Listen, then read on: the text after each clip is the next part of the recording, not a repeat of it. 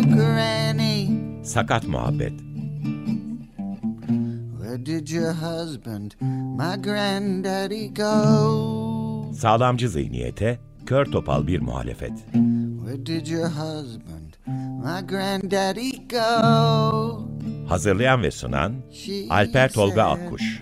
He went off to heaven just before you were born. She said went off to heaven just before you were born. And she said, You are the light of my life and the beat of my heart. She said, You are the light of my life and the beat of my heart. She said, You are the light of my life and the beat of my heart. She said, You are the light of my life and the beat of my heart. Merhaba, Açık Radyo'ya, Sakat Muhabbet'e, Sağlamcı Zihniyet'in Kör Topal muhalifine hoş geldiniz. Ben Alper Tolga Akkuş. Bugün 14 Mart 2023 Salı. 6 Şubat depremlerinin üzerinden 40 güne yakın zaman geçti.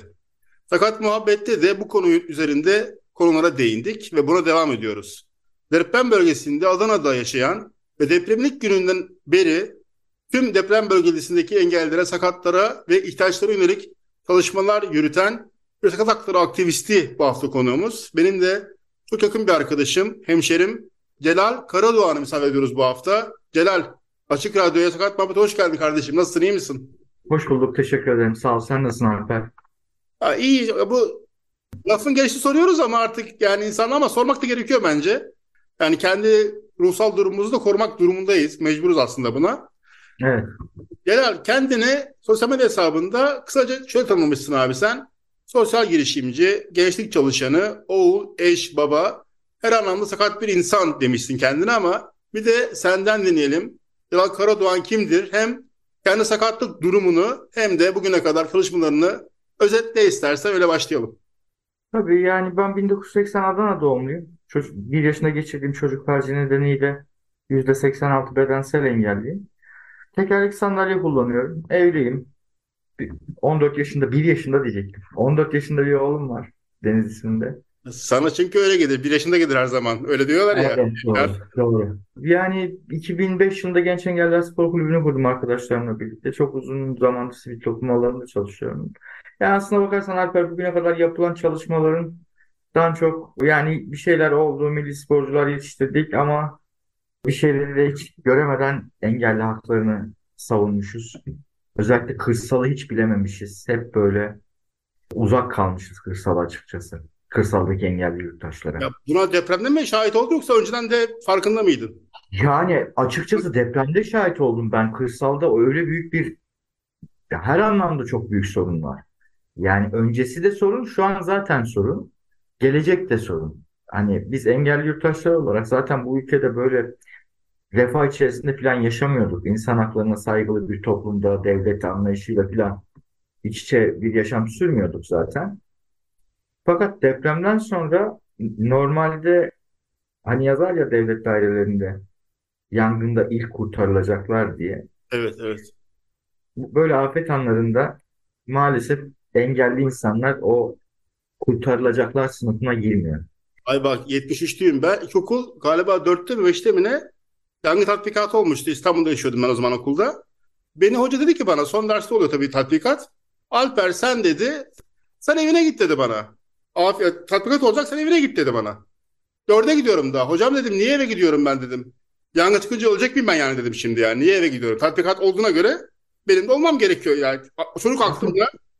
Bu çok güzel bir örnek. Yani çünkü bugün ne devletin ne yerel yönetimlerin hatta ve hatta biz sivil toplumun sivil toplumcuların da daha önce hiç düşünmediği bir şeymiş. Ama tabii ki e, asıl olan birinci düşünmesi gereken kim? Tabii ki devlet. Devlet niye var?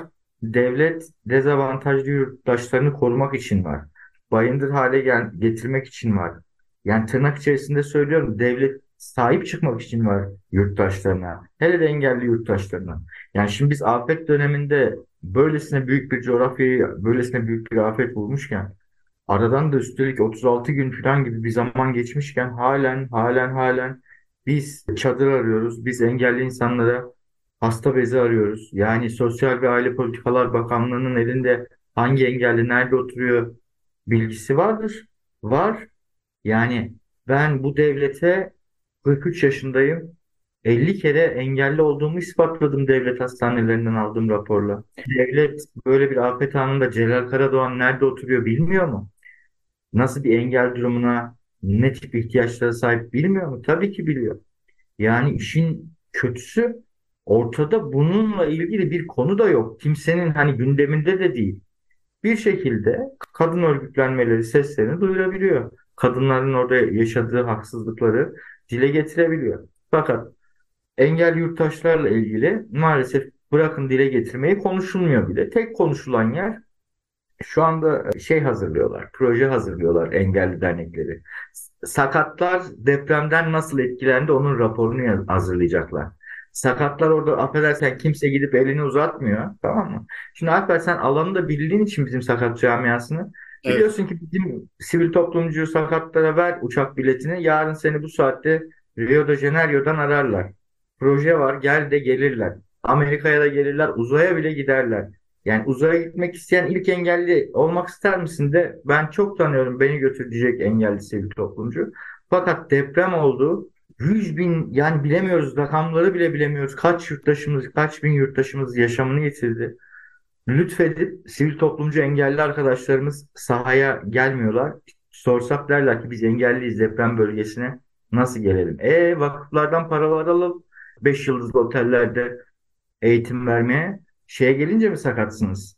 Deprem bölgesine gelince mi sakatsınız? Burada bir Ya takım yanlışlar bak- var. Sen bir sakatsın. Sandalye kullanan bir sakatsın. Sen gidiyorsun değil mi? Sen sürekli oradasın çünkü biliyorum yani.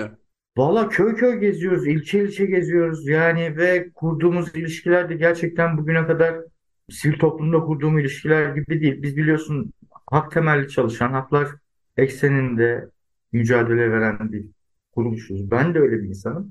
Ama şu an geldiğimiz noktada Medine fuka- fukarası gibi olduk. Yani engelli insanların bezi yok, sandalyesi yok. Yani işte burada insan sormadan edemiyor. Ya bu 5 yıldızlı otellerde davet alınca uçaklara binip gelen sakatlar afet anında niye gelip de bir engelli çocuğun başını okşamıyorlar? Neden evladım bir ihtiyacın var mı diye sormuyorlar. Sorunca e, sakatın deprem bölgesinde ne işi var? Ama sakat gidiyor öyle yurt dışında toplantıları her yere. Açıkçası tepeden tırnağa büyük bir öfke ve kin doluyor. Yani ne işi var diyorsun sakat insan orada depreme yakalanıyor. Depremde Evet. yaşıyor. Depremde sakat olmayan sakatlanıyor. Tabii böyle şeyleri de var işin, bu boyutları. Ya tabii tabii olayın çok boyutu var. Yani depremden önce engelli olan yurttaşlar var. Bir de deprem nedeniyle engelli olan yurttaşlar var. Onların rehabilitasyon süreçleri var. Hayata yani hayata katılım diyeceğim Abi- de sanki biz öncekileri kattık da işte İşte sonradan Sakat Muhabbet'te ben üçüncü program oluyor bu. İki haftada bir yapıyorum çünkü ben. İlk programda benim başlığım ya sakatlara sakat kalanlardı. Yani tüm Türkiye'ye çağrı yani. Deprem diyorsunuz hep öldü şu kadar, ya- yaralı bu kadar ama içinde kaç sakat var? Kaçı kör, kaçı ortopedik, kaçı sağır, kaçı zihinsel engelli. 6 Şubat gününe dönelim. Adana'da yaşıyorsun. O gün 6 Şubat'ta neler oldu ve ilk anda ilk birkaç gün içinde neler gözlemledin? Sakatlık alanındaki dernekler ne yaptı? Siz ne yaptınız? Şimdi 5 Şubat akşamı ertesi gün okullar açılacaktı. Oğlan liseye hazırlanıyor. Hep beraber güzel bir akşam geçirdik, muhabbet ettik filan. Uyuduk bir uyandık cehennem gibi bir ortama uyandık. Yani gerçekten böyle sanki distopik bir filmin içinde gibiyiz.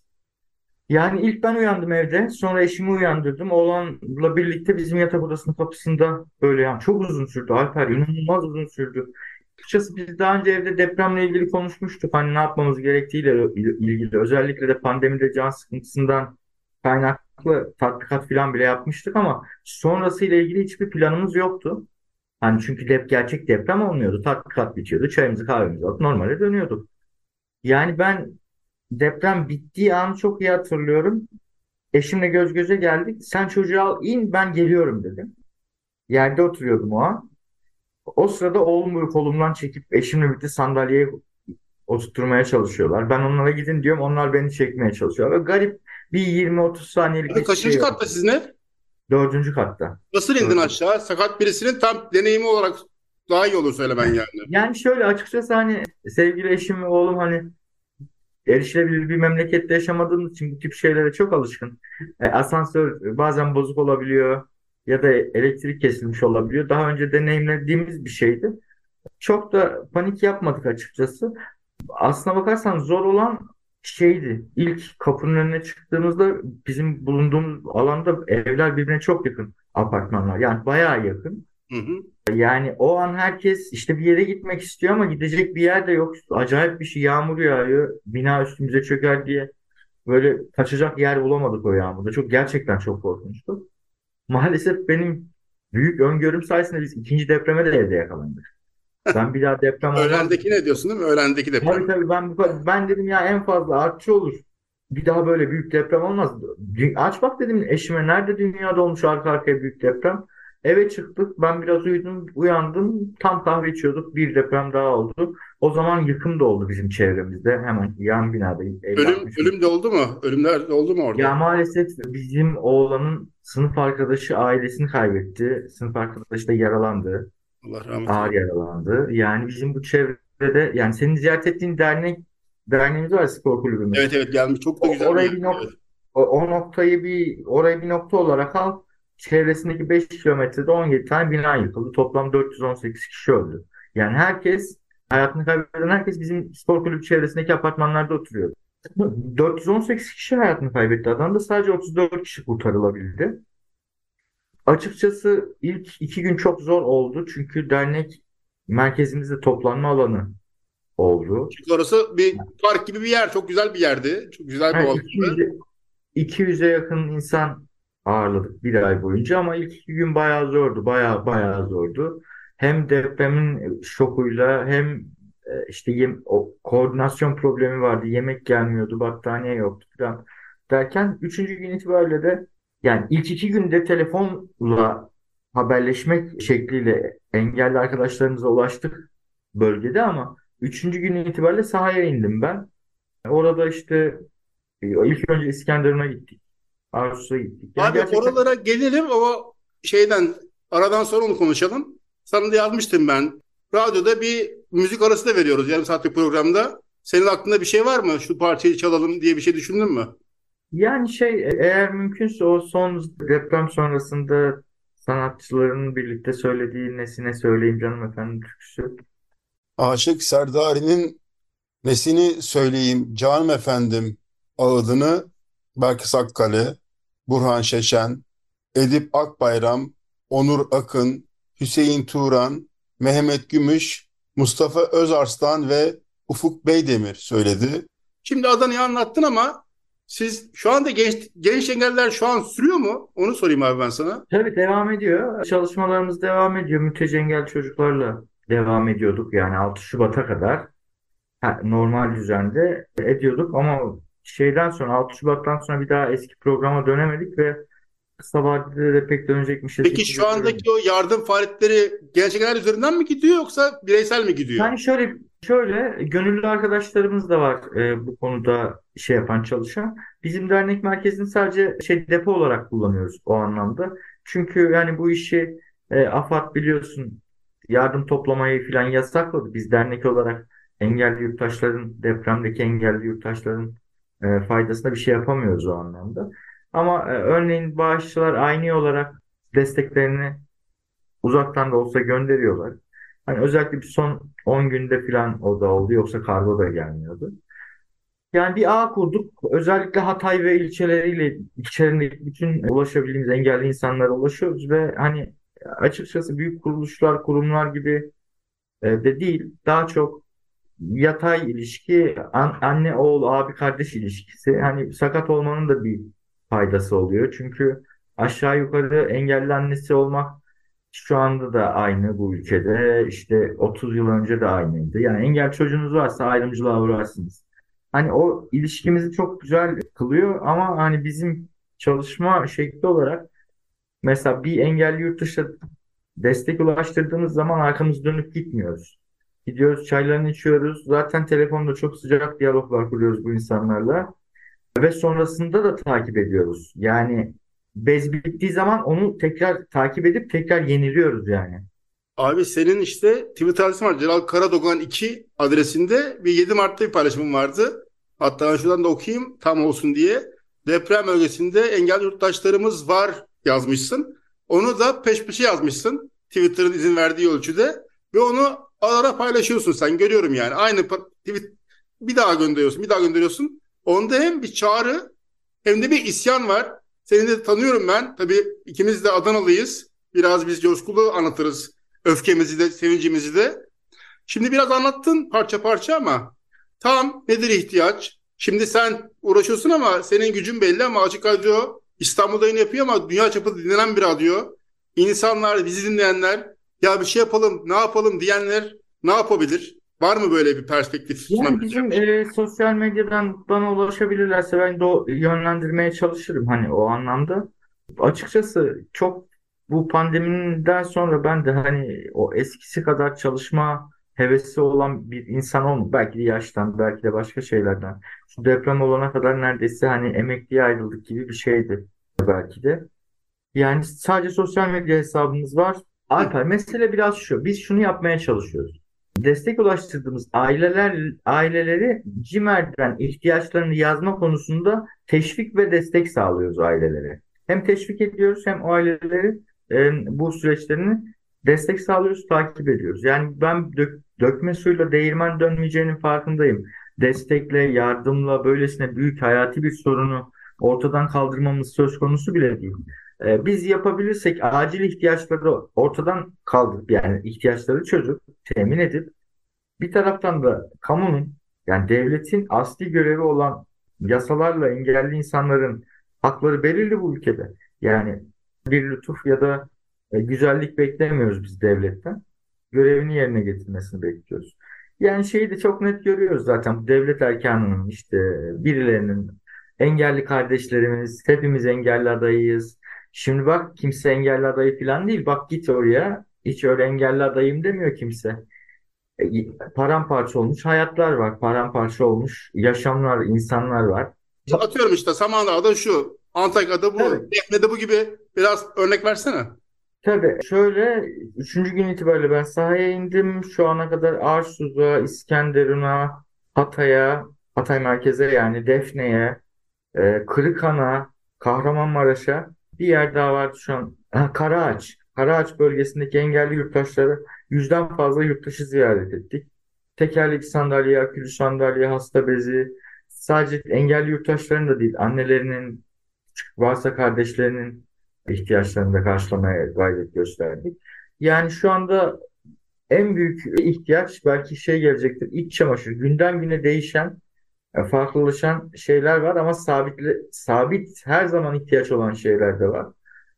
Yani gerçekten engeller adına çok karanlık bir dönem yaşıyoruz. Belki de bundan önce hiçbir dönem engelli yurttaşlar ve aileler için böylesine zorlu, böylesine karanlık olmamıştı. Böylesine yalnız kalmamıştı engelli aileleri, engelli yurttaşlar. Şimdi engelli insanların özel eğitim süreçleri sekteye uğradı. Antakya'da, Hatay'da hiçbir yerde çocuklar özel eğitime gidemiyorlar. Eğitim süreçleri yarım kaldı. Zaten travma altında olan bu çocukların eğitim süreçlerinin yarım kalması demek orta vadede daha ciddi sorunların e, ailelerin önüne gel gelmesi anlamına geliyor. Hal böyleyken hani Milli Eğitim Bakanı'ndan tutun da Sağlık Bakanı'na kadar, Aile ve Sosyal Politikalar Bakanı'na kadar yani insan ya bu neredesiniz kardeşim siz? Yani engelli yurttaşların eğitim hakkı yok mu? Sağlık hakkı yok mu? Sosyal hizmetler, sosyal hizmetler diye dilencileştirdiğiniz bir engelli toplumundan bahsediyoruz 20 yılda. Yardımlarla ver ver ver 3 kuruş parayı da sanki milyon dolar bağışlıyormuş gibi sanki babasının bağından bostanından alıp engelli yurttaşa da dağıt, dağıtıyormuş gibi lütuf olarak ver. E sonra şimdi geldiğimiz noktada bir ıslak mendile muhtaç kalmış engellimiz. Ya ben bunu söylerken çok utanıyorum ya. Ya gerçekten utanıyorum. Ben ailelerin yanına gittiğim zaman e, gerçekten hani böyle bir şey yapmış olmak. Hani tabii ki dayanışmanın e, bir şeyi var, güzel bir ruhu var ama Ya ben o insanların önünde utanıyorum, yerin dibine giriyorum. Engelli anneleri bunu hak etmiyoruz. Ya zaten çok, çok zor bir hayat yaşıyordu engelli çocuğu olan anneler. Yani şu anda neler neler yaşanıyor. Yani yani böyle kötü kötü örnekler vermek istemiyorum. Bir yandan da insanların özeli bu. Hani anlatmak verme. Peki ya dinleyenler ne bileyim sana ulaşsınlar başka dernekler var mı böylesinin gibi çalışan? Ne bileyim işte AHBAP diyoruz, İTEÇ haritası diyoruz, AFAD diyoruz, Kızılay diyoruz. Onların engellere yönelik bir şeyi var mı? Ben duymadım, görmedim ama Hayır. sen oradasın ya belki oradan bir şey söylersin yani. Hayır hayır. Ne Kızılay'ın yani kağıt üzerinde olabilir. Kağıt üzerinde olabilir. Onun altını çizeyim. Ne Kızılay'ın, ne AFAD'ın, ne Ahbap'ın, ne ihtiyaç haritasının aklınıza gelebilecek saygın ya da kamu kurumu ne kadar sivil toplum böyle büyük düşünürseniz düşünün sahada bir tane engelli koordinasyon merkezi açılmadı. Bölgede bir tane engelli koordinasyon. Hani varsa da ben kaçırmışım benim ayıbım. Ya çünkü Hani çok benim- geniş bir alan abi. Belki sen denk gelmedin ama ben de hiç duymadım, görmedim yani. Ama şimdi ben denk gelmedim de böyle yüzlerce engelliyle e, şeyim olmuş. Bir araya gelmiş bir insanız neticede derneğiz. Öyle duyardın yani derlerdi şurada bir şey Hayır var. yok onlar bi- bizi niye aramaz o zaman? Kardeşim elinizdeki listeleri bize verin. Koordinasyon merkeziyiz biz diye. Bu CİMER'e yazınca CİMER'den bir şey çıkacak mı sence? Yazdırıyormuşsun ya. En azından Vallahi kayıt olsun diye herhalde onu yapıyorsun. şu kayıt olsun diye. Evet. Şu an yaşanılan kayıt altına alınsın diye biz aslında bakarsan o CİMER başvurularını yapıyoruz. Yarın bir gün o CİMER başvurularında kanıt göstererek davalar da açacağız. Geriye dönük e, o yaşanan devletin engelli yurttaşlara reva gördüğü bu eziyetle ilgili önümüzdeki süreçte davalar da açacağız. Yani bu meseleyi şu anda biz yardım odaklı yürütüyormuş, devam ettiriyormuş gibi görünüyor olabiliriz. Çünkü öyle yapmak zorundayız. Bu süreç onu gerektiriyor. Ama asıl olan haklar üzerinde engelli bireylerin orta vadede eğitimden sağlığa tüm haklarıyla ilgili kamuyu harekete geçirmek, bununla ilgili kamuoyu oluşturmak ve karar mekanizmasındaki insanların bu konuyla ilgili hareket etmesini sağlamak. Bu Yani arada yoksa bu iş sadece yardımla devam eden bir iş bu olmayacak. kaydı cumartesi günü yapıyoruz. Sen bugün de aslında bölgeden geldin. Değil mi? Bugün Evet, de evet. hatta yazıştık sen sen de önceki gün de gitmiştim. Ya şöyle bizim dernek otobüsümüzde bir kaptanımızın kolu kırıldı Gülay ablamız. Ama- Açık Radyo'dan da sana selamlar söylüyorum Gülay abla çabuk dön. Bu dönemde bence en böyle bu karanlığın içerisinde böyle içimize umut olan gönüllüler. Her yaştan, her gruptan, her dünya görüşünden insan sahadaydı. Yani açıkçası kişisel olarak da şöyle bir şey den- deneyimledim. Bugüne kadar hiçbir masanın etrafında oturmadığım, bir bardak su içmediğim insanlarla omuz omuza engelli insanlara bir şeyler ulaştırdık. Yani gerçekten depremden önce deseydin ki ya Celal senin rehberinde şu kurumdan, bu kurumdan, bu kurumdan insanlar olacak ve o kadar sempati duyuyorum ki onlara şu anda. Çünkü güzel bir dayanışma oldu. Hiçbirimiz birbirimizin siyasi görüşüne bakmadan ya da yardım götürdüğümüz insanların siyasi görünüş, görüşüne bakmadan, dinine, ırkına bakmadan mücadele verdik. O anlamda gerçekten çok acayip günler yaşıyoruz. Her anlamda acayip günler yaşıyoruz. Celal çok çok sağ ol konuk olduğu için Açık Radyo'ya Sakat Muhabbeti. Bu hafta Celal Karadoğan'dı konuğum Adana'dan. Sakat hakları aktivisti, gençlik çalışanı kendisi. Celal çok sağ ol tekrar. Son olarak Ben ne söylemek istersin?